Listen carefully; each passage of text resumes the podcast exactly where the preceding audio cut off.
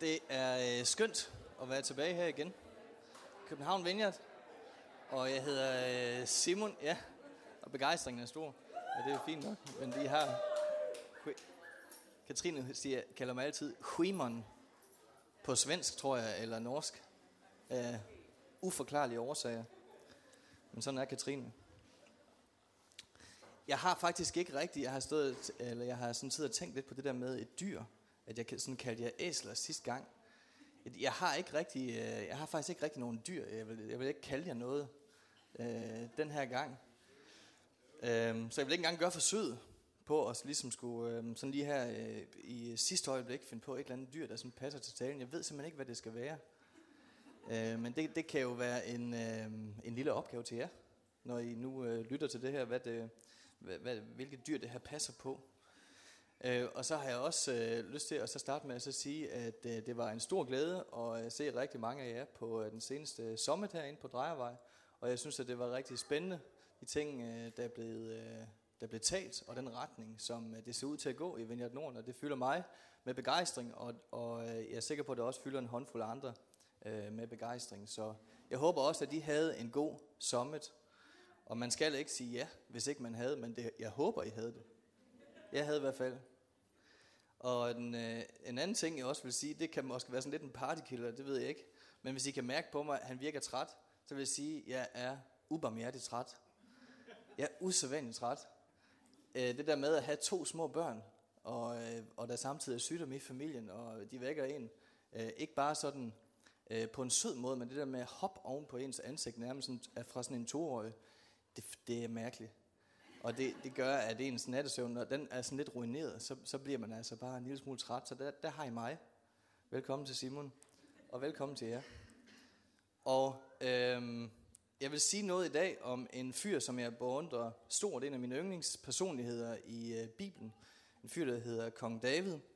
Og øh, noget af det, som, øh, som fyldte ham på et øh, bestemt tidspunkt i hans karriere, og jeg har, øh, vi, vi har i Roskilde Vineyard en, øh, en overgang for et stykke tid siden fulgt i fodsporene på den her store konge David i øh, det gamle testamente i Israel, og hans liv og de ting, han øh, lavede, hans gerninger, hele øh, hans storhedstid er omtalt, og den er gengivet igennem en lang række steder i det gamle testamente i den første del af Bibelen, og det er altså enormt spændende læsning. Jeg ved ikke, om øh, nogen af jer deltog i et seminar på Summit, der hed Spiritual Formation, men der var der en ung fyr fra Belfast, som sagde, at der er to ting, I skal gøre. Det ene det er bøn, det andet det er bibellæsning. Hvis ikke man ved, hvor man skal starte, så kunne man altså starte med Kong David. Det er enormt inspirerende læsning, synes jeg, og hele vejen igennem, så har vi, øh, så kan man spejle Kong David i en anden storkonge, ham der hedder Jesus i det nye testamente, så man kan stille de to personligheder op øh, ved siden af hinanden. I dag, så skal vi sammen inspireres af en sær, en lidt mærkelig, en udfordrende fortælling om David. Det er ikke bare om David, det er også om en hær, det er også om en krig og en masse, der bliver dræbt, slagtet. Så er det ikke spændende? Det er en rigtig drengehistorie. Og jeg skal nok spare jer for de mest blodige detaljer. Dem kan I læse, når I kommer hjem. Øh, og det er altså ikke øh, det er serious business i, øh, i sådan øh, old school gammeltestamentlig forstand. Så det kan I jo så gå hjem og så lukke op for senere, hvis I vil. Øhm, men David han udvælges, han salves til konge, som den mindste, den mest ubetydeligste af alle Isais sønner. Han er til at starte med en konge i det skjulte, inden han senere træder i karakter og tager over fra den tidligere konge, der hed kong Saul. David han bliver udrustet igennem de kampe, som han har stået i tidligere. Og Davids valg, hans erfaring, det rammer ham igen og igen.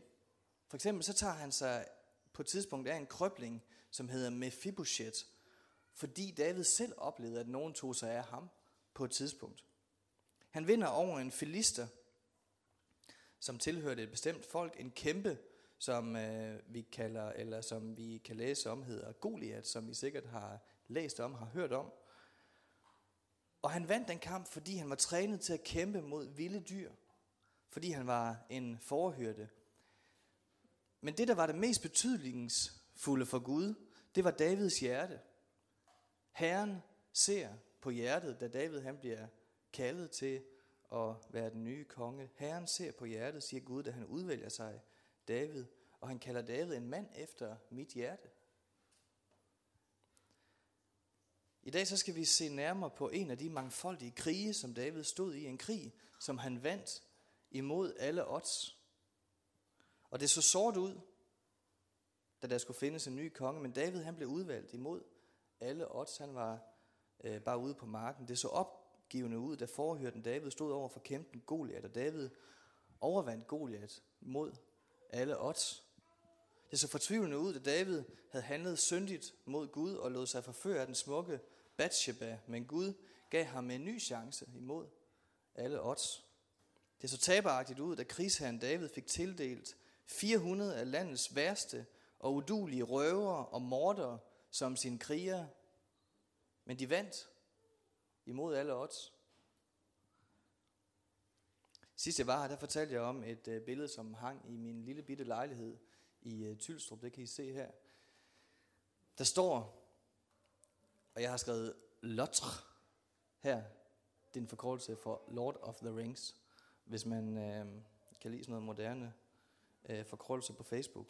L-O-T-R, Lord of the Rings, hvis ikke I vidste det. Power can be held in the smallest of things, står der her. Det er en af mine yndlingsbilleder, fordi hver gang jeg så på det her billede, så fik jeg håb. Lille, grimme Frodo, en hobbit af alle væsener, udvalgt til at bære ringen. Han havde ovenkøbet hår på fødderne. Power can be held in the smallest of things. Gud kan imod alle odds tage det, som ingenting er, og gøre det til noget stort i sin hånd. Gud kan tage det, der ringe, ringe agtes af alle andre. Det, der ses ned på af andre, det, der ser ud til at visne og dø, det, der har udsigt til at blive trådt på og trådt ned blandt tisler og ukrudt. Gud kan tage det, som forkastes af andre, det der mislykkes, og han kan gøre det til noget stort i sin hånd. Han kan give det nyt liv imod alle odds. Og øh, vi skal om et øjeblik se en, øh, en lille video, og øh, det viser en øh, amerikansk præst. Han er temmelig stor. Han er, øh, han er afroamerikaner. Jeg forestiller mig, at han er præst i en baptistkirke. Det ved jeg ikke, men han taler som sådan en, øh, som sådan en altså han er virkelig en øh, sådan sydstats baptist preacher, som kan tale, øh, hvad hedder det, bukserne af en. Han kan seriøst tale, ham her. Han har en vild historie, en meget, meget inspirerende historie. I dag så har han øh, været rådgiver for flere øh, amerikanske præsidenter, mens han, men hans vej derhen til den var øh, mildest talt fyldt med et par bum. Vi skal se en øh, kort tre minutters video af Dr. Ron Archer. We call it having a trick baby. Two strangers meet for a business transaction and there's a mistake. The pimp said, You can't make any money having a baby in the oven. We have got to kill this baby. They kicked her in the stomach. They fed her alcohol. They gave her drugs. They took a hanger and stabbed the baby over and over again. But the baby would not die. The baby was born two months premature with no pancreas, a learning disability, a bladder too small, unable to function, a severe stutterer. We call it a trick baby. Nobody wants the baby. No hope, no future. Kill it was the word. That baby was me. I'm the lowest of the low. I come from the guttermost. I come from a hellish condition. And so when I would go to school, I couldn't talk. I stuttered so severely from the trauma. My mother had a madam who hated men. Her name was Dolores, and she was a sadist. And when she would watch me, she would take a broomstick and stick it in a place where no boy should have any object in his body. And when you are tortured like that, you learn four things don't talk, don't trust, don't feel, and pretend nothing is happening. And by age 10, I had had enough. I want it to die. And in my school, they put me in a boiler room with other kids who were dysfunctional like me, where we would finger paint all day long. And yet there was a teacher, thank God for her, who had a Gideon Bible. And she came to my school and she saw kids like me as her mission field. And she would give me this Gideon Bible and read to me stories of dysfunctional characters who God used. She would say to me, Ronaldo, God uses greatly those who have been wounded very deeply. He will turn your pain into power, your wounds into wisdom. She had me read the story of Moses, who was also a stutterer. I began to understand that God did love a trick baby, even as low as I was. There was hope for me and possibility. And when a child begins to understand the love of God and the power of His Word and the possibilities, it changes everything. How can a young man keep his way clean by taking heed according to your word. Your word have I hid in my heart that I may not sin against thee. I began to memorize the Bible, that Gideon Bible, reading 2,000 scriptures. And when you put that kind of word in a life, something begins to happen. My stuttering went away. I stopped wetting the bed. I stood tall. I became valedictorian, became a pastor, and preached until everybody in my family got saved. Why? Because somebody placed the Gideon Bible in a woman's hand that changed a life forever. Yes, was born a trick baby, but the trick was on the devil because of you and the power of the Word of God.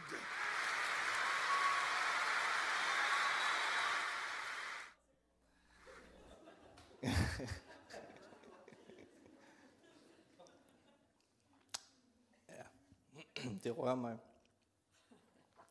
Lad os bede sammen. Så er vi takker dig for, at du kan tage det, som øh, er forkastet og trådt ned. Og så kan du gøre det til noget stort i dine hænder. Og vi takker dig for, at du aldrig giver op på nogen af os, som, øh, som er her. Tak, at du ser øh, sommerfugle, når andre de ser laver.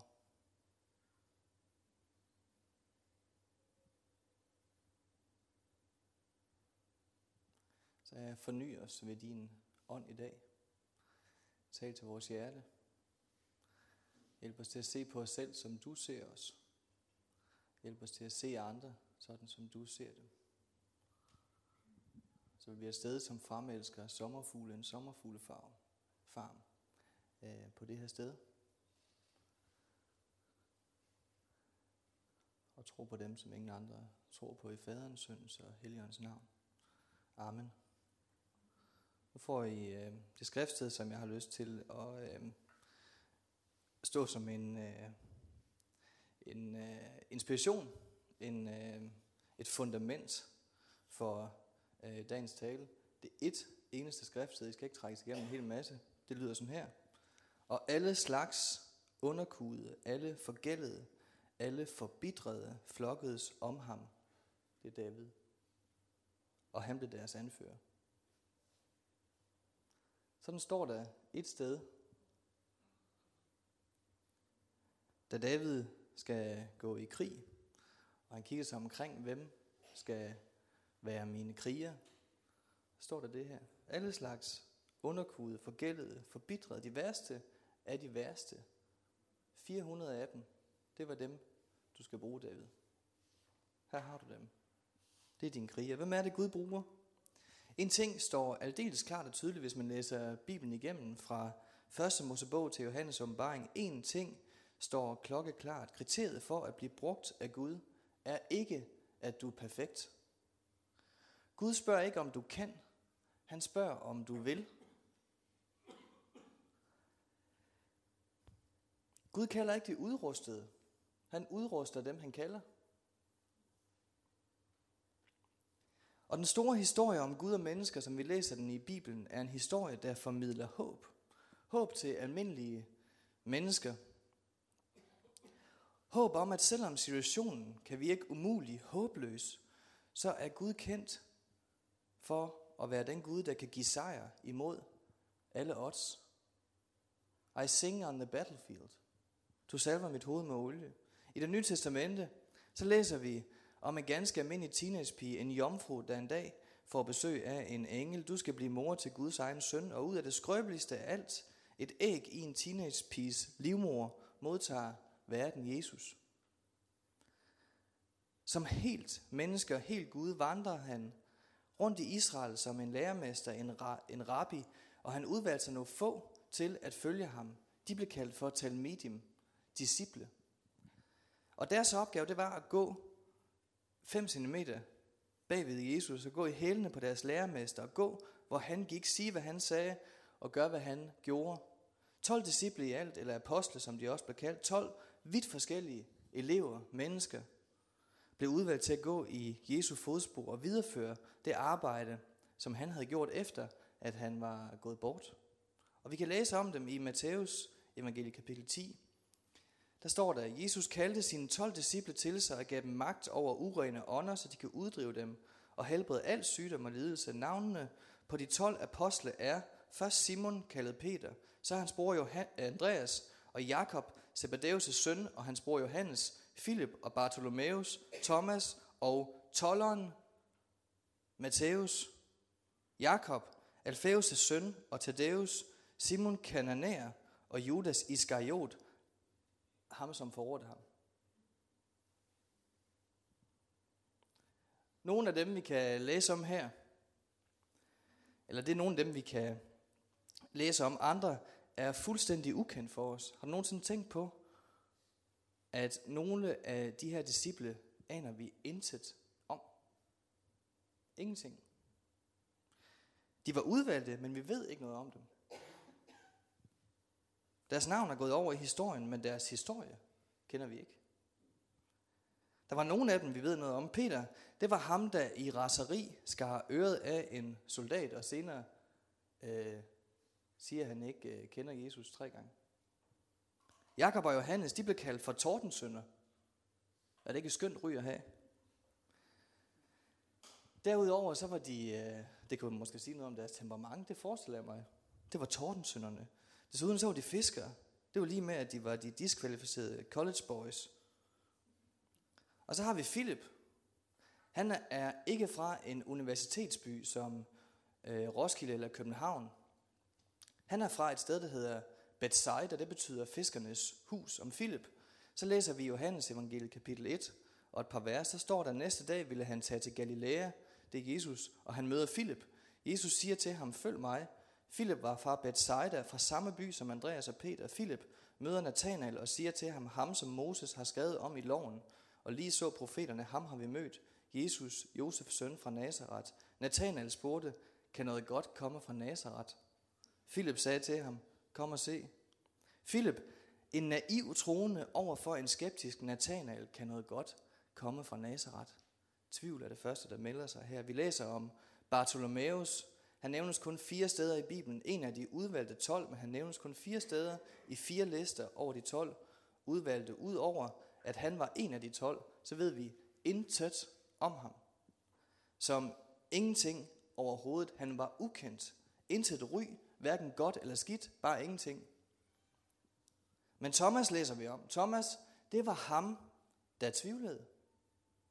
Da Jesus som opstod fra de døde viser sig for disciplene. Det tror Thomas ikke på. Og han fik tilnavnet tvivleren, vidunderligt tilnavn, ikke sandt? Et stærkt navn. Han bliver der overbevist senere, efter han selv rører ved Jesus sårmærket hænder. Thomas, han er de tvivlendes apostel. For alle os, som indimellem tvivler, og jeg tror ikke, at tvivl er troens modsætning, det er vantro. Vantro er troens modsætning. Tvivl, det er troens tvilling. Du kommer ikke udenom den. Men bliv i den, og gå på en vej, og mærk Jesus sårmærket hænder. Hvis du tvivler, så er du i godt selskab med Jesu disciple Thomas.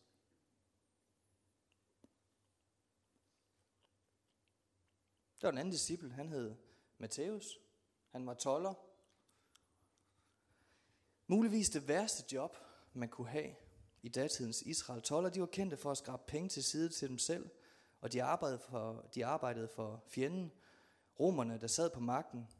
Vi læser et sted, da Jesus gik videre derfra, så han en mand, som hed Matthæus, sidde ved tolvboden, og han sagde til ham, følg mig.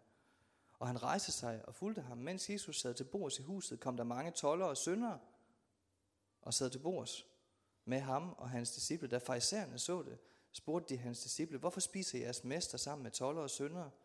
Men da Jesus hørte det, sagde han, de raske har ikke brug for læge, det har de syge. Gå derfor, eller gå hen og lær, hvad det vil sige. Barmhjertighed ønsker jeg ikke slagtoffer. Jeg er kommet for at kalde, jeg er ikke kommet for at kalde retfærdige, men syndere. Vi skal ikke glemme Jakob. Han var også en af de 12 Alfæus' søn, som vi heller ikke ved noget som helst om. Udover en enkelt ting, nemlig at ham og to andre starter en strid i discipleflokken på et tidspunkt, fordi de ikke fatter, hvad Jesus siger til dem. Det blev han kendt for. Vi læser om Thaddeus, en af de andre, en af de tolv. Til gengæld så læser vi kun om ham to steder. To steder, hvor rækken af disciple opremses. Derudover så aner vi intet om ham. Ingenting. Han har måske ikke sagt, eller gjort, eller opnået noget særligt. Så har vi Simon Zelotes, en slags datidens jødernes fremskridtsparti, eller længere ude i en eller anden yder, yderliggående retning. Og til sidst så har vi Judas, altså den Judas, der forrådte Jesus i Gethsemane, den have, hvor Jesus bad sine disciple om at holde sig vågne sammen med ham, og hvor de alle som en faldt i søvn.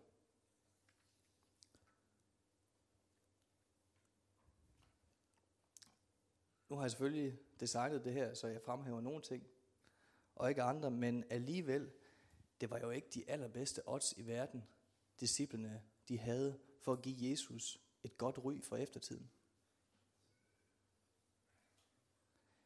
Jesus han så sommerfugle, hvor andre så laver. Jesus han så sommerfugle imod alle odds. Disciplerne de havde en ting til fælles. De fulgte Jesus. De kaldte, da han kaldte på dem og sagde, følg mig, så blev det en rejse mod alle odds, men han gik sammen med dem.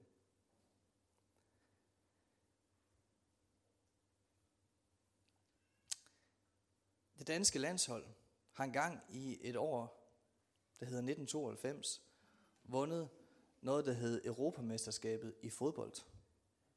De vandt imod alle odds. Landsholdet, de var på ferie øh, med smøger og bajere rundt omkring. Og pludselig kom de med på et afbud. De var overhovedet ikke i træning. Men de endte med at vinde det hele over et land, der hedder Tyskland. De vandt stik imod alle odds. Gud han udvalgte sig David, en mand efter hans hjerte, og David besejrede Goliat, vandt krige i sin tid. David er et troens forbillede for os. Troen vandt imod alle odds. David han nævnes en håndfuld steder i det nye testamente. Et af stederne er i Hebræerne 11. Og prøv at læse med her. Det her det er et, øh, for mig at se, et af de stærkeste steder i Bibelen.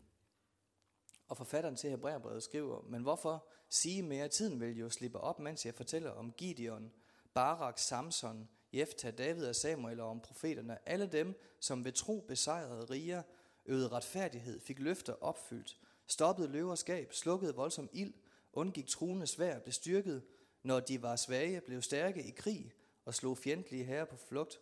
Kvinder fik deres døde igen ved opstandelse. Andre blev pint til døde og afviste at lade sig købe fri, for at de kunne opnå en bedre opstandelse. Andre igen måtte udstå spot og piskeslag, ja lænker og fængsel. De blev stenet, gennemsavet, døde for sværet eller gik omkring i forskin og gedehude og led nød og trængsler og blev mishandlet. De var for gode til denne verden og måtte flakke om i ørkener, på bjerge, i huler og jordens kløfter. Alle disse, hvis tro er bevidnet, opnåede dog ikke at se løftet opfyldt, for Gud havde for vores skyld noget bedre for øje, nemlig at de ikke skulle nå målet uden os.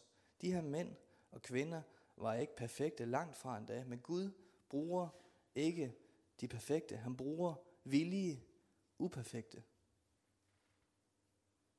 Dem, der følger ham, når kaldet lyder, følg mig. Han spørger ikke, om du kan. Han spørger, om du vil. Og han kan give dig sejr imod alle odds. Glimt af håb opmundring. For et stykke tid siden så læste jeg om et øh, par. De var barnløse. Og de har fået hjælp i lang tid. Der var ikke noget, der hjælp. Og pludselig så bliver de så gravide. Og moren til det her, den her lille baby får øh, smerter i uge 29 plus en dag. Det er ret øh, tidligt i øh, graviditetsforløbet. Deres søn blev født alt, alt for tidligt. Moderkagen løsnede sig. Akut kejsersnit. Og ud kommer en alt for lille dreng med kun et ben. Og faren for, at han blev hjerneskadet på grund af iltmangel, den var overhængende. Men han overlevede, og han endte med at blive aldeles normal. Overlægen beskrev modvilligt hændelsen som et mirakel. Det er fordi læger ikke har sprog for sådan noget. Han bruger ordet modvilligt. Hvis han var blevet født bare nogle dage før, eller efter uge 29 plus en dag, så var han blevet hjerneskadet med uoprettelige skader til følge. Men drengen er i dag et år og er helt normalt fungerende imod alle odds. To år før jeg blev præst, så havde jeg en ven, der boede jeg i, øh, øh, på en vej i København, der hedder Nattergallevej. I det øh, fedeste sted i København, et sted, der hedder Nordvest. Nordlædervest. Og der, og der boede jeg sammen med min, øh, min hustru, og, og, øh, og for nogle år siden, inden jeg blev præst, så havde jeg en ven, som blev indlagt på øh, Rigshospitalet med den sygdom, der hedder leukemi, kraft i blodet. Og en øh, november eftermiddag aften, hvor det regnede, og det var meget koldt og blæsende, en mørk dag, så tog jeg forbi hende for at besøge hende og for at bede for hende. Det havde jeg fået lov til. Jeg kunne ikke, jeg kunne ikke få lov til at lægge hænder på hende. Hun var forskanset bag sådan noget beskyttende plast og lå sådan helt isoleret der. Og hun var delvis skaldet på grund af kemoen. Hun var tynd, hun var bleg, og lægerne havde givet hende nogle, øh, no, nogle måneder at leve i, tre måneder cirka. Og jeg bad for hende, øh, sad på den anden side, og jeg oplevede, at jeg sad i dødens skygge. Men der var en tanke, der slog mig, da jeg bad for hende. Det var et skriftsted. Og jeg havde ikke mod til at sige det højt. Jeg er heller ikke sikker på, at det har været vist, men jeg kom til at tænke på et skriftsted, hvor der stod, denne sygdom er ikke til død. Da jeg sad der, kort tid efter, så fandt man ud af, at man kunne transmittere friske knoglemarvceller fra hende her, den syges bror, og nogle måneder efter, så var hun fuldstændig cancerfri. Livet vandt imod alle odds. Og sådan her går det jo ikke altid. Men det er også vigtigt at så fremhæve, nogle gange så sker det. Hvis du har odds imod dig, hvis du er et sårbart sted,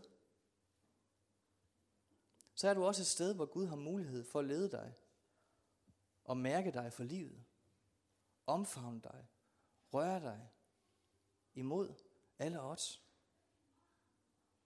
Når jeg er magtesløs, så er jeg stærk.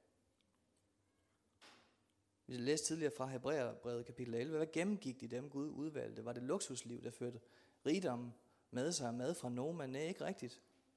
Men de fortsatte, og de bevarede håbet og sejren imod alle odds. Det så sort ud dengang for Israel og nationen håbede, hvornår kommer Messias, og Gud sendte sin søn igennem en fyr fra Nazareth. Af alle steder kan noget godt komme fra Nazareth.